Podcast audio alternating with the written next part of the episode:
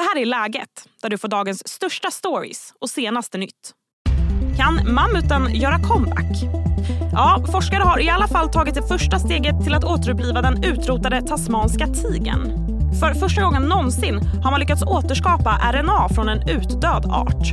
Vad betyder den här upptäckten? I dagens avsnitt ska vi också få några heta streamingtips inför helgen. Och som vanligt de allra senaste nyheterna. Jag heter Sally Sjöberg. Med mig nu har jag Love Dahlén. Du är professor i evolutionär genomik vid Stockholms universitet och har varit inblandad i det här projektet. Hej Love! Hej hej! Ja, jag får otroliga Jurassic Park-vibbar av det här. hur, hur, känns det att ni har lyckats med den här upptäckten?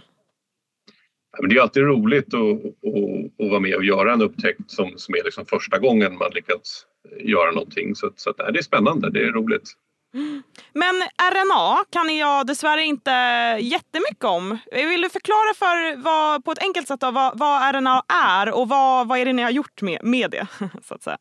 Ja, men RNA är ju en, en molekyl som, som eh, arvsmassan använder för att kommunicera med resten av cellen. Så man, man kan tänka sig lite som att, att arvsmassan är liksom eh, huvud, huvudkontoret för ett stort bolag och så skickar man ut e-post eh, med instruktioner om hur man ska driva bolaget och då är RNA-molekylen är, är, är arvsmassans sätt att skicka de här e-postmeddelandena till olika delar av cellen. Jag förstår. Och vad är det ni har gjort med, det, med den tasmanska tigern och RNA?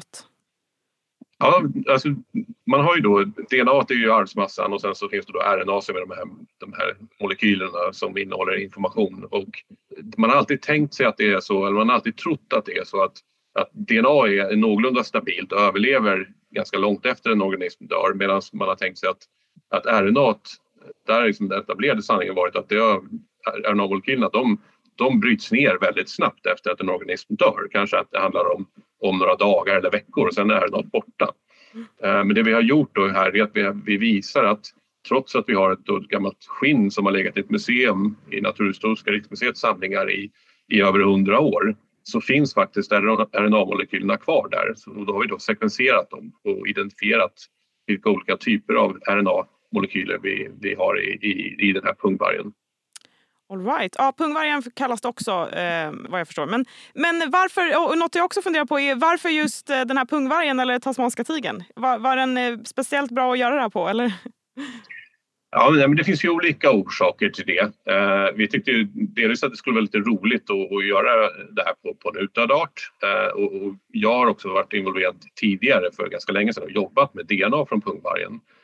Men sen finns det en mer praktisk orsak och det är att eh, när man jobbar med olika eh, utdöda arter så, så, vill man ta reda på var i arvsmassan, var i DNA som generna sitter för de utgör bara ungefär 1% av arvsmassan. Och normalt sett så, så, gör man det genom att sekvensera RNA om man jobbar med moderna prover med le, nu levande arter. Mm. Uh, för förhistoriska arter då, då, då, tittar man, då använder man information från deras släktingar. Så om vi jobbar med mammut till exempel, då tittar vi på var generna sitter hos elefanter och så kan vi liksom gissa oss till att, att även mammutarnas gener sitter på samma ställe. Men pungvargen den har inga nära släktingar och det har gjort att det har varit väldigt svårt att ta reda på var generna sitter i pungvargens arvsmassa. Så, så från det perspektivet så, så, så kändes det liksom viktigt att pröva det här på just pungvargen. Har ni, har ni eh, fått reda på det nu då, var generna sitter? Ja, den här studien så, så, har vi inte hittat alla generna men vi hittar en del gener och delar av gener. Så att vi, bör, vi har tagit ett, ett steg på vägen till att kunna identifiera gener. Vi hittar en del nya gener, bland annat en gen som, som verkar ha uttryckts just i skinnet och varit viktig för eh, strukturen av, av skinnet hos, hos pungvargen. Vi ska strax få veta vad den här upptäckten betyder. Men först en kort nyhetsuppdatering. Flera personer skottskadades på en pub i Sandviken igår kväll. Enligt polisen har två av personerna avlidit. En man i 20-årsåldern och en man i 70-årsåldern. Nu utreder polisen om skottlossningen kan kopplas till den senaste tidens våldsdåd i Uppsala och Stockholm. Den svaga svenska kronan kommer att stärkas. Det säger riksbankschefen Erik Thedéen. Sen årsskiftet har kronan tappat omkring 7-8% mot dollarn och euron. Sveriges ekonomi är i grunden välskött och det talar för att växelkursen på sikt kommer stärkas. Det säger Erik Thedéen i ett tal enligt ett pressmeddelande från Riksbanken. Nu till ett genombrott i cancerforskningen. Svenska och franska forskare har upptäckt en molekyl som visat sig få cancerceller att dö av stress. I de framgångsrika djurförsöken har man behandlat cancer utan vare sig kirurgi eller strålning. Fyndet ger hopp om att fler allvarliga cancerdiagnoser inte längre behöver innebära en dödsdom. Hej, Ulf Kristersson här. På många sätt är det en mörk tid vi lever i. Men nu tar vi ett stort steg för att göra Sverige till en tryggare och säkrare plats. Sverige är nu medlem i Nato. En för alla, alla för en. Vi är specialister på det vi gör, precis som du. Därför försäkrar vi på Swedea bara småföretag, som ditt. För oss är små företag alltid större än stora och vår företagsförsäkring anpassar sig helt efter firmans förutsättningar. Gå in på swedea.se företag och jämför själv. Nu tillbaka till Love. Vad betyder den här upptäckten? Ja, den betyder egentligen två saker kan man säga. Det ena är att vi, vi, vi är liksom ett steg på vägen mot att, att förstå pungvargens eh, arvsmassa bättre, vilket, vilket är intressant för att förstå hur den har utvecklats eh, till den art den var. Eh, sen, sen finns det ju de som också tycker då att, att, att det här är ju då ett litet steg på vägen kanske mot att kunna återskapa pungvargen med olika gentekniker. Eh, men då ska man komma ihåg att, att, att då är det ett väldigt, väldigt litet steg på, på den vägen. Mm, mm. Men ändå ett steg. Så, och jag, som du säger så det, det är en lång, lång väg dit. Men eh, om vi pratar 50-100 år eller vad det nu, jag kan inte forskarperspektivet där. Men kommer man kunna, kommer det kunna vandra mammutar, tasmanska tigrar, pungvargar på gatorna igen? Ja, det är en, det är en, en bra fråga. Eh, man, väl, man ska liksom vara, jag tror som forskare ska man vara lite ödmjuk för att det, det, det händer så mycket och, utvecklingen går så fort. Så att även om, om man kanske som forskare idag tycker att det, det ter sig ganska osannolikt att man kommer att lyckas så, så, så min känsla är nog ändå att man kanske kommer att lyckas eh, men det kan ta lång tid eller det kan gå jättefort. Det är otroligt svårt att förutsäga för att vi har sett liksom hur, hur DNA-tekniken har utvecklats de senaste 20 åren och man hade kunnat drömma om att vi skulle vara idag där vi är. Så om 20 år, vem vet? Ja, kanske. Um, kanske pungvarg, kanske, kanske mammut. Um, personligen skulle jag ju tro att det, det finns nog andra arter som är utdöda som är lättare att återskapa just därför att det finns nu levande släktingar. Om vi tar uroxen till exempel skulle förmodligen vara ett av de lättaste djuren att, att, att återskapa. Ja. Men ändå uroxar och kanske mammut och, och såna här tasmanska tigrar, det tycker jag låter väldigt intressant. Ja, ja men vi, vi, får väl se. Tiden får väl utvisa hur, hur det går eh, med de här. Det, det, pågår ju arbeten, inte, inte på Stockholms universitet och inte på Centrum för paleogenetik där jag jobbar utan, utan det är ju företag i USA och liknande som, och forskare i Australien som jobbar med att försöka återskapa vissa av de här djuren. Um, hur går det då? Att, eh, Ja, alltså det, det går, jag tror att det går framåt men det är fortfarande på ett väldigt, väldigt tidigt stadium i den bemärkelsen att man, man, man är inne och försöker liksom att utveckla de här molekylärbiologiska metoderna som man behöver eh, ha för att kunna göra det här. Så det är fortfarande på det stadiet att man, man är nere på cellnivå och försöker liksom ta fram till exempel då eh, celler från pungvargens närmaste släkting och, och, så tittar man på hur, hur ska man göra då för att, för att liksom identifiera var generna sitter och sen börja då klippa och klistra.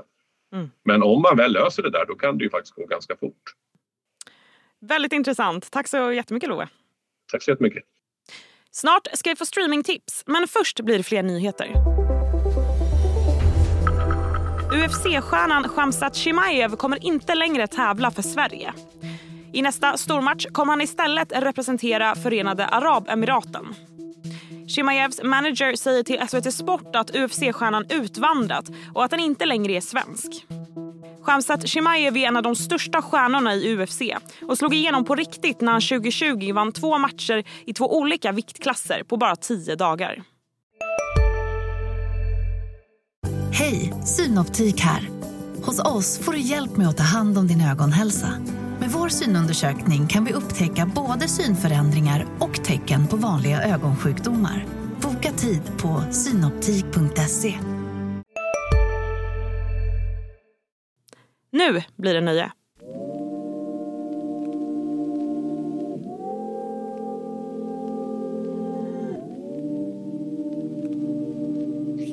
Det är fredag och vi ska få streamingtips. Idag bjuds vi bland annat på ett svenskt familjedrama och en prequel till John Wick-filmerna. Tipsen ska vi som vanligt få av Expressens tv-kritiker Mattias Bergqvist. Hej Mattias! Tjenare! Hur är läget? Bra med mig, hur mår du? Det är alldeles utmärkt. Vi ger oss in på ditt första tips. Familjedramat Telga som har premiär idag på SVT Play.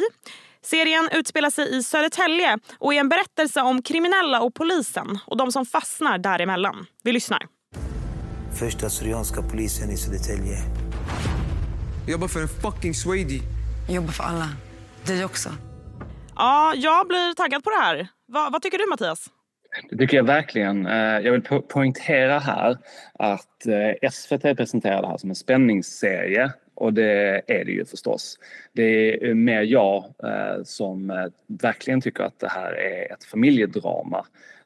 Man skulle väl kunna säga att det är någon slags alla kör den här jämförelsen för att, men det är för att den är så bra och det är för att det liksom Ja, det stämmer. Det är ett slags mellanting mellan Netflix Snabba Cash och SVTs Tunna blå linjen.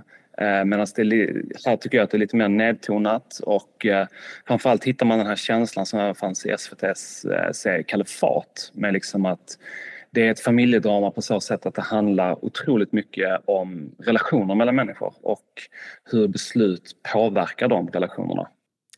Ditt nästa tips, serien The Continental from the World of John Wick som också har premiär idag på Prime Video.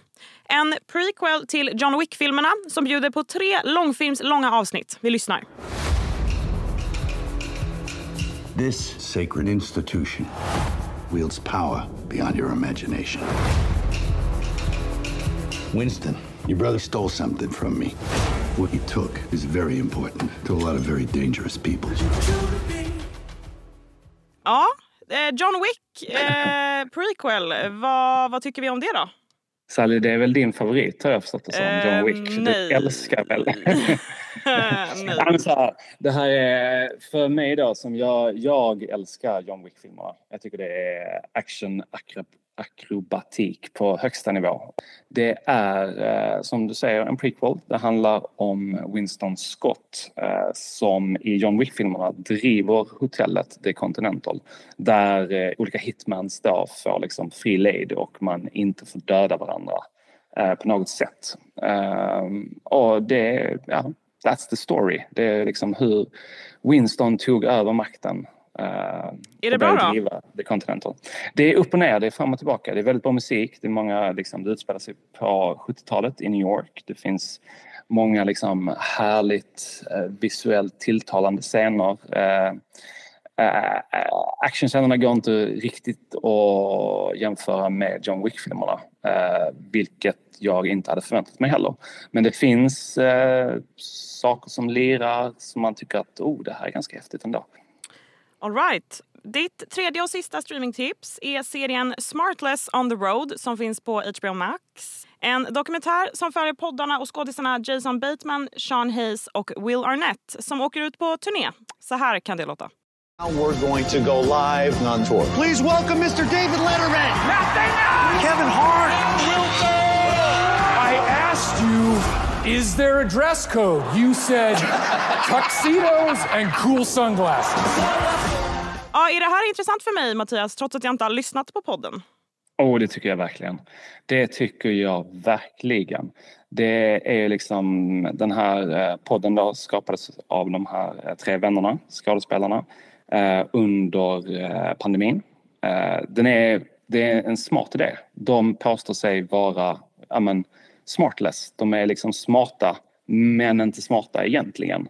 Utan de kan inte så himla mycket. Liksom. Och då bjuder de in olika gäster och ställer frågor. Och det var allt från kändisar till vetenskapsmän. Och, och det är fantastiska gäster men det som jag tycker är mest tilltalande det är när de här tre polarna bara sitter och pratar. När de åker från ett ställe till ett annat eller när de är på hotellrummet eller något sånt där.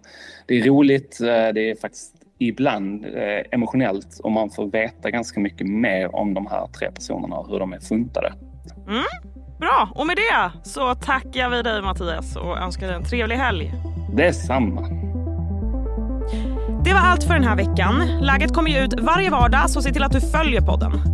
Tack för att du har lyssnat. Trevlig helg.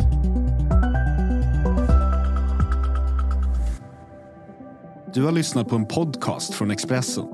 Ansvarig utgivare Klas Granström.